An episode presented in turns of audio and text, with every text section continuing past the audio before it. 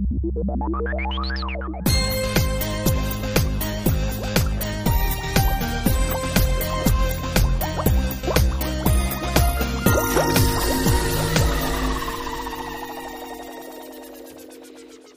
og velkommen til sesong to av Rosa begerglass. Vi er så entusiastiske her for at vi får lov til å starte på igjen. Eh, nå er vi til og med inne i et nytt studio, og det her er jo bare knallkjekt. Altså, Syns du ikke det, Cecilie? Ja, det er helt innafor. Skulle til å si fargerikt, det er det kanskje ikke, da, men Nei, fargerikt er det ikke men her har vi faktisk plass til gjester, og eh, ja, vi kan på en måte ikke vente også med å komme i gang med denne sesongen her. Og vi håper den skal bli minst like spennende som forrige sesong. ja. Litt tema da for denne sesongen her, det er jo organisk kjemi. Og vi kommer til å plukke ut en del eh, tema herifra, eh, men eh, dagens episode, da skal vi snakke egentlig litt om hva organisk kjemi er. Karbon sin forunderlige verden. Det er jo et helt magisk atom, altså. Og vi skal snakke litt om hydrokarboner, alkana, litt om navnsetting. Ja, masse, masse spennende tema i dag. Så da lurer jeg på, Cecilie, tror du du kunne ha begitt deg utpå og sagt noe om eh, funksjonelle grupper? Hva det er for noen ting? Det kan jeg gjøre. Kanskje vi kan heller begynne med hva er organisk kjemi? Ja, det var egentlig lurt. Jeg, jeg var litt sånn, Nå var jeg på to the point, altså nå begynner vi å snakke om organisk kjemi, uten å i hele tatt si noe om hva det handler om engang. Ja, jeg skjønner du er gira. Det her er jo et veldig spennende tema. Så. Ja. Men veldig smart, Cecilie. Vi forklarer først hva organisk kjemi er. Ja, for det her er jo det flere definisjoner ute og går. Det varierer også veldig fra lærebok til lærebok. Jeg kan jo ta den definisjonen jeg liker best. Det syns jeg du kan. Også Ja. bakgrunnen for at du liker den best. Ja, OK, ja, den definisjonen jeg tenker på, da er organisk kjemi Det omfatter da stoffer som inneholder både karbon og hydrogen. Så det vil si at eh, f.eks.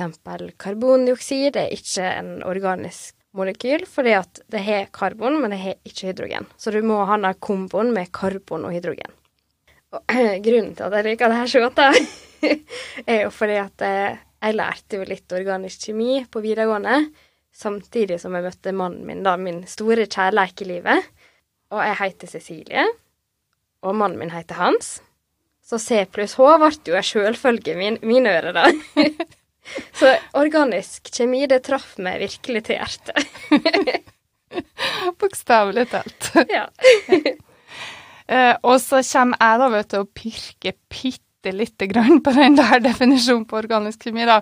Fordi at det finnes stoff som inneholder karbon og f.eks.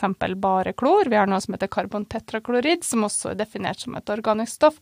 Og der er ikke hydrogen til stede. Men det er ytterst, ytterst få da, hvor man ikke kan regne inn hydrogen i den organiske forbindelsen. Men da skjønner dere sikkert at felles for alle organiske stoff, det er jo da ikke nødvendigvis hydrogen, men karbon. Så karbon er jo da grunnstoffet vi på en måte skal konsentrere oss veldig mye om i det faget her, da. Og fra gammelt av så trodde de jo organisk kjemi omhandla bare forbindelser som fantes i levende organismer. Men det viste seg jo å være veldig feil, da.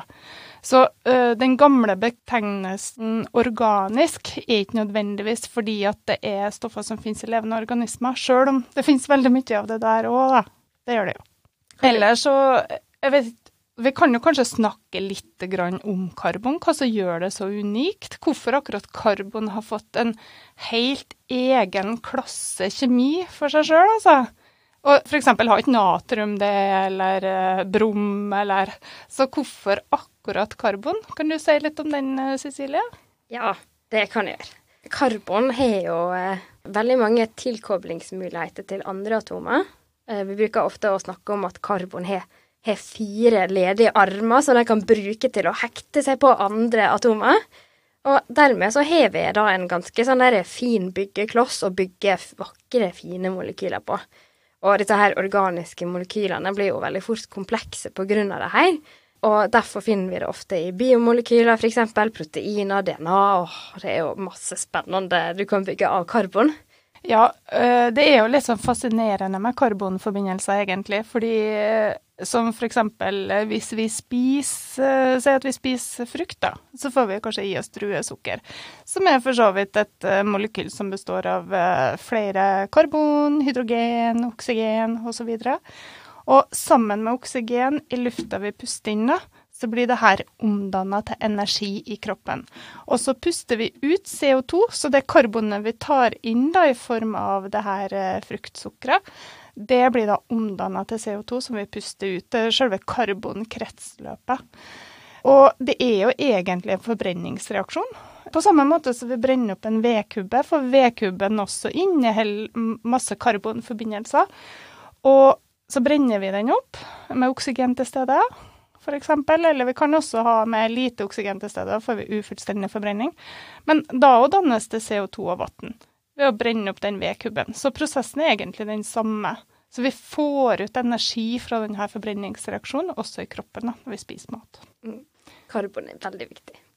ja, det er det. Og så er det jo det at du kan på en måte hvis du har lange, komplekse molekyler, f.eks. sånne oljer, si at du har tran, f.eks eller om det er olivenolje eller hva det er, så består det av sånne lange, komplekse karbonkjeder. Ofte begynner i noe som heter triglyserider, som vi skal snakke om veldig mye senere. Eh, så har vi da enzymer i kroppen vår når vi spiser det her, som kutter opp det her da, til noe som vi kaller frie fettsyrer, sånn at cellene våre kan ta det opp. Så egentlig så kan disse store, komplekse karbonforbindelsene bare kuttes opp, og så drar vi ut av det det vi trenger. Og det er jo egentlig utrolig stilig, da, at det går an. Så karbonforbindelser har vi vel egentlig alle typer mat. Så vi kan nyttiggjøre oss ganske mye. Men man kan jo også bruke det her i, som drivstoff. På en bil eller fly eller båt eller hva det er som trenger drivstoff.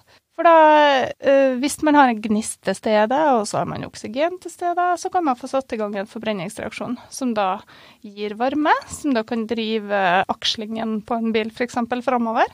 Og derfor sier de jo at sånn strengt tatt, hvis du har ren nok frityrolje, så kan du egentlig helle det på tanken din, og så kan du kjøre bilen på det. Gitt at du har en fossilbil, da. Ja. Jeg tror det hadde funka dårlig på Teslaene våre. Jeg tror det funker dårlig på Tesla. det gjør det, og hvor var tanken hen? Det var det første, første jeg måtte finne, det var tanken. Det er sånn bagasjerom framme. ja, sant. Kanskje du måtte helt oppi der. Det er ikke sikkert jeg har gjort så veldig mye, nei. Nei da.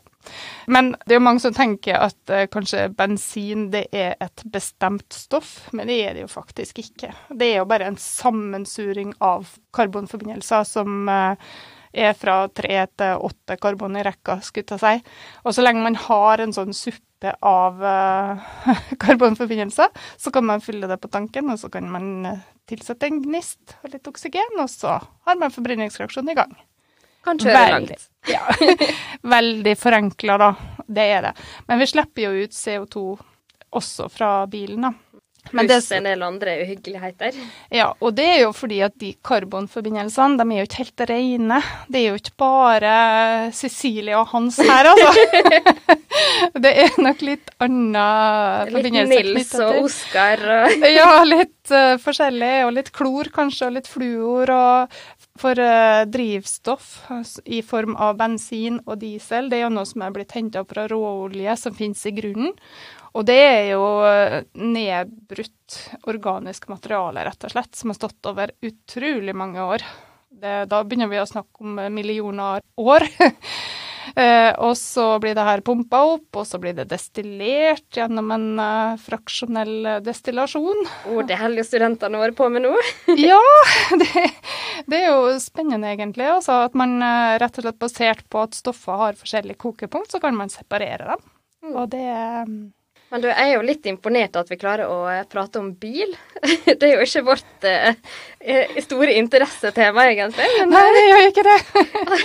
Nei. Putter du kjemi inn på noe, så er vi, er vi med på det meste. ja da, vi er med på det meste. Men så var det tilbake til disse funksjonelle gruppene. da, Gro. Ja. Nå kan vi vel, er vel tida moden til å forklare litt videre om det? det er den absolutt. Så kanskje du vil starte litt, da, Cecilie. Har du noen, uh, noen snodder på lager?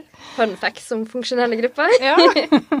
oh, det her er jo noe som er kjempeviktig også for eh, analytisk kjemi, hvis dere velger å ta det noe videre. Så driver og leter disse her funksjonelle gruppene. Hva er egentlig det? Jo, det vil jo egentlig si at de strukturene eller de uh, gruppene på molekylet som bestemmer hva type stoff vi har med å gjøre, og bestemmer hva egenskaper de stoffene dine Eh, enkelte stoffgrupper vil jo ha en kombinasjon av flere funksjonelle grupper, mens en del andre har faktisk kanskje bare én funksjonell gruppe som fastsetter at ja, nå har vi med en f.eks. en eter å gjøre, da. Så de funksjonelle gruppene er alfa og omega, og det gjelder seg å kunne kjenne dem igjen, pugge hvordan den strukturene ser ut, sånn at du veit hva du skal leite etter når du skal f.eks. navnsette et molekyl, eller hvis du skal bestemme en reaksjon, så må du lete etter de funksjonelle gruppene, for det er der actionet skjer, altså. Det er det absolutt, og det er veldig viktig å vite hva det er man har med å gjøre. Vi ser jo bare et stoff som heter dietyleter, og dietyleter er for så vidt greit å jobbe med hvis eh, datoen på kjemikalieflaska er OK. Men når det går ut på dato, så kan det dannes noe som heter peroksider. Og de peroksidene de kan være eksplosive. Og da må man avhende kjemikalier på spesiell måte, da. Men da, da, må man vite hva man har med å gjøre. Og denne dieteleteren den består av to karboner som er lenka sammen. Og så er det et oksygen, og så er det to nye karboner til. Og det her sammensetninga, det var faktisk noe som de brukte som narkose før i tida. For det sånn det slår deg ut på et mikrodels sekund, altså. Kjemikalieekspert fortalte jo det at de skulle avvende ei sånn flaske som viste seg å ha litt lekkasje i toppa. Og først da han hadde med seg en assistent, så så han plutselig at knærne hennes segna om. Og plutselig segna knærne hans om mens han var fullt bevisst. Altså, han fikk med seg alt som skjedde, men han klarte ikke å røre på armene sine. Men heldigvis så hadde brannvesenet stått ved siden av da, med friskluftsmaske og kunne hjelpe dem. Så det er altså det å kjenne til uh, funksjonelle grupper og hva det er slags type stoff man har med å gjøre, det er veldig viktig, da. Mm. Og så er det litt fascinerende at dette stoffet ble brukt som eh, narkose tidligere òg. Ja. Men eh, det var jo en spesiell egenskap de fant ut som ikke var så veldig lurt da med å bruke det som eh, bedøvelsesmiddel. Eh, og det er jo at den er veldig brannfarlig. Ekstremt. Så kanskje noen har tatt fyr på operasjonsbordet en gang, og derfor ble det fasa ut. Ja, den er jo nesten sjølantennende. Altså det skal så lite gnist til før den antenner. Så den er ikke noe særlig. Og i tillegg så fikk folk ei vanvittig bakrus og blei så dårlig og kasta opp og var skikkelig sjuk etter operasjonen. Mm. Så heldigvis finnes det bedre gasser nå, da. Og Derfor er det også veldig viktig å passe på at sånne kjemikalier ikke blir så veldig gamle. Mm. Sånn at det ikke danner seg farlige stoffer oppi det. da. Ja, Men vi kunne jo egentlig snakka om hva type funksjonelle grupper vi har. Eh, nå finnes det jo flere enn det vi kommer til å snakke om i, det, i eh, det her sesongen. Fordi at hvis vi skulle snakke om absolutt alle, alle så ikke vi blitt ferdig. Fordi det finnes mange millioner karbonforbindelser. Og man kan bygge dem også. Man kan bygge sammen karbonforbindelser sjøl. Det blir jo laga sånn nanokuler, f.eks. nanoroboter, som er bygd opp av karboner som på en måte bare er satt sammen i en viss rekkefølge. Uh, men i denne sesongen da, så skal vi snakke om eh, bl.a. alkana, alkena og alkyna, som er egentlig bare karbonrekke som enten består av enkeltbinding, eller at det finnes ei eller flere dobbeltbindinger i forbindelser. Da kaller vi det alkena. Og er det ei eller flere trippelbindinger, så kaller vi det alkyna. Så skal vi snakke litt om aromater. Eh, det er gassstoffklasser. Og vi skal snakke litt om alkoholer, etere, aldehyder, ketoner, karboksylsyre, estere osv. Og, og beskriver litt grundigere i del, i hver delepisode beskriver da hver enkelt funksjonelle gruppe bedre, da, så at dere skal forstå hva det er slags type stoff. Og da er det jo sånn at alkohol er jo ikke bare etanol, f.eks. Det er jo metanol, etanol, propanol, but butanol, pentanol osv. Så, videre. så det finnes mange typer alkoholer, men felles er at de har den samme gruppa knytta til seg. da. At karbonkjeder har samme gruppe knytta til, som definerer dem som en alkohol. Denne her OH-gruppa. Ja. Ellers så skal vi jo også snakke mye om eh, navnsetting, fordi navnsetting er ganske viktig i organisk kjemi, sånn at man vet hva det er slags type stoff man har med å gjøre. For det er også sånn at dere skal forstå ut ifra et navn. Hva er det her? Er det en alkohol? Er det et aldehyd? Er det en eter? Bare ved å se navnet. Mm. For det er jo ikke sånn at det står alkohol på stoffet, men det kan stå f.eks. 1, 2 diklor, Uh, 2 hept, uh, 3 ol, eller noe sånt. Uh, og da må dere skjønne at det er en alkohol. Så derfor er navnsetting veldig viktig også. Skal vi si noe om eh, grunnstammene, Cecilia? På hvor mye vi kommer til å ta for oss i det her, altså hvor mange karbon i rekke skal vi snakke om i denne sesongen her? Mm. For i forbindelse med navnsetting i organisk kjemi, så er det veldig viktig å kunne identifisere hva er den lengste karbonkjeden i molekylet. Identifisere den, og det blir på en måte grunnstammen i molekylet sitt navn. Og her gjelder det å kunne telle til ti, nok en gang, på kjemispråket. og det, det tallet det angir da den lengste karbonkjeden som stoffet er bygd ut ifra, og så har den eventuelt eh, tilleggsgrupper, altså sånn substituenter som er festa på, og gjerne funksjonelle grupper som identifiserer stoffet videre. Men hvis vi tar for oss dette her én til ti grunnstammene, så har vi da Skal vi ta annenhver? Det kan vi gjøre. OK, jeg begynner. Metan. Ja, og jeg må bare presisere med en gang, da. Når hun sier metan, så snakker hun faktisk om en alkan, fordi alle alkaner har AN-ending. Så hvis det er ett enkelt karbon, så er grunnavnet mett. Sånn at alle forbindelser, f.eks. For metanol, består da av ett karbon, og så er det knytt på OH-gruppa som definerer det som en alkohol. Så mett er da ett karbon. Og da kan jeg fortsette med neste, da, hvor stamnavnet er ett. Så hvis det er et alkan, vil det hete etan. Så kommer prop. An. Så kommer but, an, Pen, Pentan. heksan, Heptan. oktan Nonan. og dekan. Så da, de ti eh, grunnstammene der, de må dere eh, kunne. Og det eneste måten å gjøre det på, det er å pugge. Mm. Det finnes ikke noen annen måte å gjøre det på. Men du kunne telle til mer enn til ti, kunne ikke du? Ja da, etter dekan så er det undekan og dodekan og så videre. Ja. Så går det oppover. Det, det må jeg innrømme at jeg har aldri jobba med sånne stoffer. Så jeg har aldri fått bruk for den. Eh, og hvis de har sånne voldsomme navn, så bruker en ofte å forkorte med litt mer brukervennlige navn. Ja. LTA, for eksempel. Ja. Og det er jo sånn at i organisk kjemi så er det veldig mye trivialnavn. Og trivialnavna vil ha egentlig en stor plass også her. Så hvis jeg sier til dere at uh, dere har etansyre sikkert i skapet deres hjem, så er det veldig få som vet egentlig hva er etansyre. Men det er eddiksyre. Altså det er eddik. Fortynna eddiksyre. Det er eddik. Så det er veldig mye trivialnavn, og mange av trivialnavnene kan vi faktisk også bruke i eh, navnsettinga. Så, så aceton er også så innarbeid. Det heter jo egentlig propanon, men aceton er det vi på en måte kjenner til da, som navn. Så eh, dere skal få lære veldig mye om navnsetting, som jeg har søkt, men det som er hovedtrekkene i navnsetting, lærer dere gjennom alkanene. Og så føyer vi på litt etter hvert som vi kommer til funksjonelle grupper, føyer vi på regler. Men selve grunnreglene, hovedreglene, kan man lære seg med å lære seg navnsetting for alkan. Det er litt sånn som Cecilie sa, at det er veldig viktig å finne lengste karbonkjede. Og da må dere tenke at her er 3D-molekyl. Dere må ikke tenke at dere skal telle fra venstre til høyre. Det kan godt hende at dere må telle oppafra og nedover, eller fra øst til vest, eller hva dere gjør. Veldig kreative så er molekyler. Ja, de er veldig kreative, og de er jo Altså, 3D-strukturen er jo også med på å bestemme funksjonen deres, faktisk.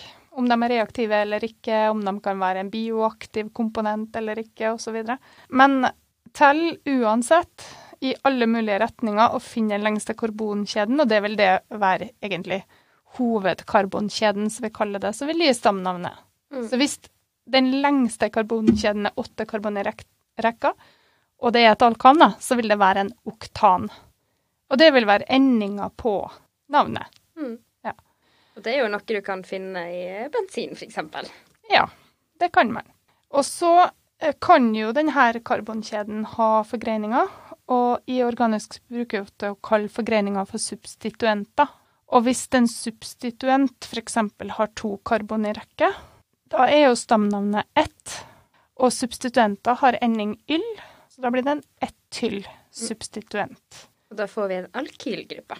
Ja, det stemmer.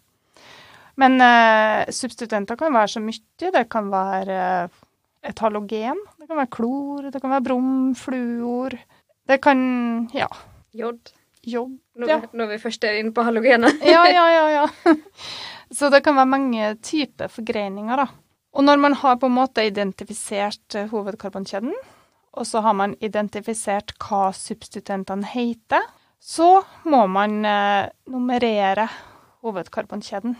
Og da, så lenge man ikke har noe annen funksjonell gruppe knytta på, så må man telle, starte å telle fra den retninga hvor man først møter ei forgreining. Så hvis det sitter ei metylgruppe på karbon nummer to fra den ene sida, og på karbon nummer tre fra den andre sida, så må dere telle fra den sida hvor det da sitter på karbon nummer to. Og da nummererer dere hele hovedkarbonkjeden. Hvis det var f.eks. åtte karbon i rekke, da, så nummererer dere fra én til åtte. Og da får jo substituentene si plassering. Så hvis metyl da sitter på karbon nummer to, så er det en to-metyl. Sitter ei metylgruppe til på karbon nummer tre, så er det en tremetyl, og så videre. Og når man da skal navnsette hele molekylet til slutt, så tar man substituentene først i alfabetisk rekkefølge. Så da vil f.eks. klor komme foran metyl, fordi K kommer foran M. Og hvis vi da hadde en klor da på karbon nummer fire, så blir det en fire klor, og så eh, 2,3. Og så må vi huske på å ta med en di-metyl foran hvis vi har to metylgrupper. Du kan jo si litt om dere prefiksene, du kanskje, Cecilie? Ja, disse her forstavelsene. Ja. Det, som du sier, det forteller hvor masse du har av en bestemt gruppe. Der har jo du eh, litt sånn repetisjon fra den gamle uorganiske kjemien, når vi hadde om navnsetting der. Og her er det snakk om eh, det er mono, det er di, det er tri, og så. Så her så er det Bruker vi altså det i tillegg for å angi hvor masse du har av like grupper innad i molekylet. Og eh, ja, her er vi ganske mange spenstige navn på en del av stoffene. Enkelte der du må virkelig ta deg eh, fart for å klare å uttale det. I hvert fall vi som driver helt på med kjemikalieavhending. Vi får jo virkelig bryne oss når vi skal drive og gå gjennom kjemikalielistene og skrive ned hva vi har, og hva vi skal avhende. Så da er det litt, litt artig. Det er jo litt kos, da. Ja. Og, og å uttale et kjempelangt avansert navn. Og så får vi det til. For vi kjenner igjen stammene, vi kjenner igjen eh, prefiksene og suffiksene. No problem. Det er så enkelt at det høres ut som Og så høres det veldig avansert ut. Ja, det gjør det. Jeg bruker å si at det er ganske imponerende å ha det med på CV-en og kan ansette et komplekst organisk molekyl. Ja. Da, da blir folk imponert, hvis at du vet hva det er for noen ting, altså. Mm. Ja, eh, ellers så når det gjelder det med navnsetting, så, så er det jo at man må tenke litt på hva hovedregel er det som gjelder nå. For eksempel har du en alkan, så er jo hovedregelen å finne eh, hovedkarbonkjeden, altså lengste karbonkjede. Det å navnsette substituentene i alfabetisk rekkefølge er viktig, men det som er viktig også, det er at selv om du setter di eller tri eller tetra foran f.eks. metyl, så er det M-en i metyl som teller likevel. Så disse prefikser som Cecilie snakker om, de teller ikke når man skal begynne å diskutere alfabetet. Mm. Så de skal ikke være med. Så navnsetter man substituentene først, og så slenger man på endinga på hovedkarbonkjeden til slutt. Så hvis det er åtte karbonrekker, så var det en oktan. Nå er det jo ikke så lett å forklare sånne ting eh, med lyd. Det er mye enklere hvis man sitter med penn og papir foran seg, kanskje. Mm. Men det er bare litt at eh, det er litt viktig å tenke på at navnsettingsregler for alkaner er på en måte litt hovedregler for all navnsetting. Og så endrer det seg bitte litt, da, når man bytter funksjonell gruppe, men ikke så mye. Så, så det er på en måte viktig å ha det her på plass først. Så hvis dere syns navnsetting er vanskelig, så gå tilbake til alkana. Lær dere alkana godt, for da vil resten av navnsettinga egentlig gå ganske greit, da. Og når det gjelder det her med alkaner og de forskjellige hydrokarbonene, altså de stoffene som består av karbon og hydrogen, og kun det, hydrokarboner, de har jo også eh, Vi har jo litt forskjellige av dem, og jeg, jeg, liker å beskrive dem med formler. Jeg, jeg er litt glad i formler. eh, og vi har jo alkaner, vi har alkener, vi har alkyner. Og så har vi også litt sånn sykliske forbindelser, som sykloalkaner f.eks. Og da er det veldig greit å kunne vite hvilken alkan har vi med, å gjøre, basert på hvor mange karbon og hydrogener vi har i forhold til hverandre. Og her kommer her formlene inn. De bruker vi også masse av i, i kjemiske analyser, spesielt hvis du holder på med IR-spektroskopi f.eks., der du jakter på hva stoffgrupper du har med å gjøre, basert på hva hva, hva du finner av funksjonelle grupper, så er det her veldig viktig. Og her kan vi starte med den enkleste alkanene. Så har den den generelle formelen CN H2N pluss 2. Så hvis du, hvis du, ser den formelen i molekylet, f.eks. at du har ja, Si at N er 4, da. Så har du da C4 H 2 ganger 4 pluss 2, så da får du C4H10. Da veit du at du har med en alkan å gjøre. Tilsvarende måte kan vi også gjøre for alken, og det her gjelder også for sykloalkan, altså ringforma strukturer av alkan, altså enkeltbinding mellom hver karbon. Da får vi formelen, altså for sykloalkan og for alken, så får vi formelen CnH2n. Så da, hvis vi fortsatt har fire karbon, så har vi da C4, H8. Da har vi enten med en alken å gjøre, eller en sykloalkan. Men så har vi også alkin, og vi kan vite at vi har med en alkin å gjøre hvis vi har CN, H2N minus 2. Så her har vi enda færre hydrogen. Og vi fjerner, fjerner hele tida to hydrogen per hva skal jeg si, dobbeltbinding, eller eventuelt trippeltbinding, som vi har med alkinene. På alkenene, da har du dobbeltbinding mellom to karbon i den organiske molekylet. Du har i hvert fall én dobbeltbinding. Og i alkin så har du i hvert fall en trippelbinding. Så da er det ganske heftige bindinger mellom karbonatomene. Så i det eksempelet her, hvis vi fortsatt har fire karbon, så vil vi for en alkyn, så får vi C4 H2 ganger 4 minus 2, som vil si C4H6. Da har vi med en alkin å gjøre. Dette er veldig artig å, å bruke som hjelpemiddel for å, å identifisere hva, hvordan vi skal navnsette molekyler videre. Mm. Ja, det er veldig spennende. Og så er det det at uh, det kan være greit å holde litt sånn fokus på det og Cecilie starta med å si. At utgangspunktet for organiske forbindelser, som er karbon, har jo da fire armer, som vi snakka om. Altså det vil si at det er mulighet for å danne binding i fire retninger. Det betyr at et karbon kan enten binde til seg fire hydrogener, eller det kan danne dobbeltbinding med et annet karbon, eller enkeltbinding med et annet karbon, eller trippelbinding med et annet karbon. Eller dobbeltbinding til et oksygen, f.eks. Men da, hvis et karbon da, lager en dobbeltbinding til et oksygen, så har det to ledige bindingsplasser, for to av dem går med til dobbeltbindinga, og da er det to bindinger ledig. Da er det plass til to hydrogener. Så dere må alltid fylle opp alle bindingene til karbon. Så tenk alltid karbon skal ha fire bindinger. Så hvis dere da har enkeltbinding til et annet karbon, ok, hvor mange har dere igjen da? Jo, da har dere igjen tre bindingsplasser, og da kan dere fylle på det med hydrogen. Så typisk på enden av ei karbonkjede så er det CH3, og det er fordi det er et karbon som da har tre hydrogener rundt seg, og så har det ei kovalent binding videre til enten karbon eller oksygen eller hydrogen eller svovel osv. Så, videre. så hold fokus på at det alltid skal være fire bindinger rundt. Og ikke fem. Jeg hadde én til på organisk kjemieksamen. Jeg klarte å lage fem bindinger rundt et uh, karbon. Å, oh, det var så irriterende. Så hadde jeg bare gjort en liten opptelling der på elektronene mine, så hadde jeg skjønt at jeg var på ville veier. Men det gjorde jeg da altså ikke. Så ikke gjør samme feil som meg. Tell over, sjekk at det er bare fire. Ja, og disse her armene, eller tilkoblingspunktene, kommer jo av disse her elektronparbindingene.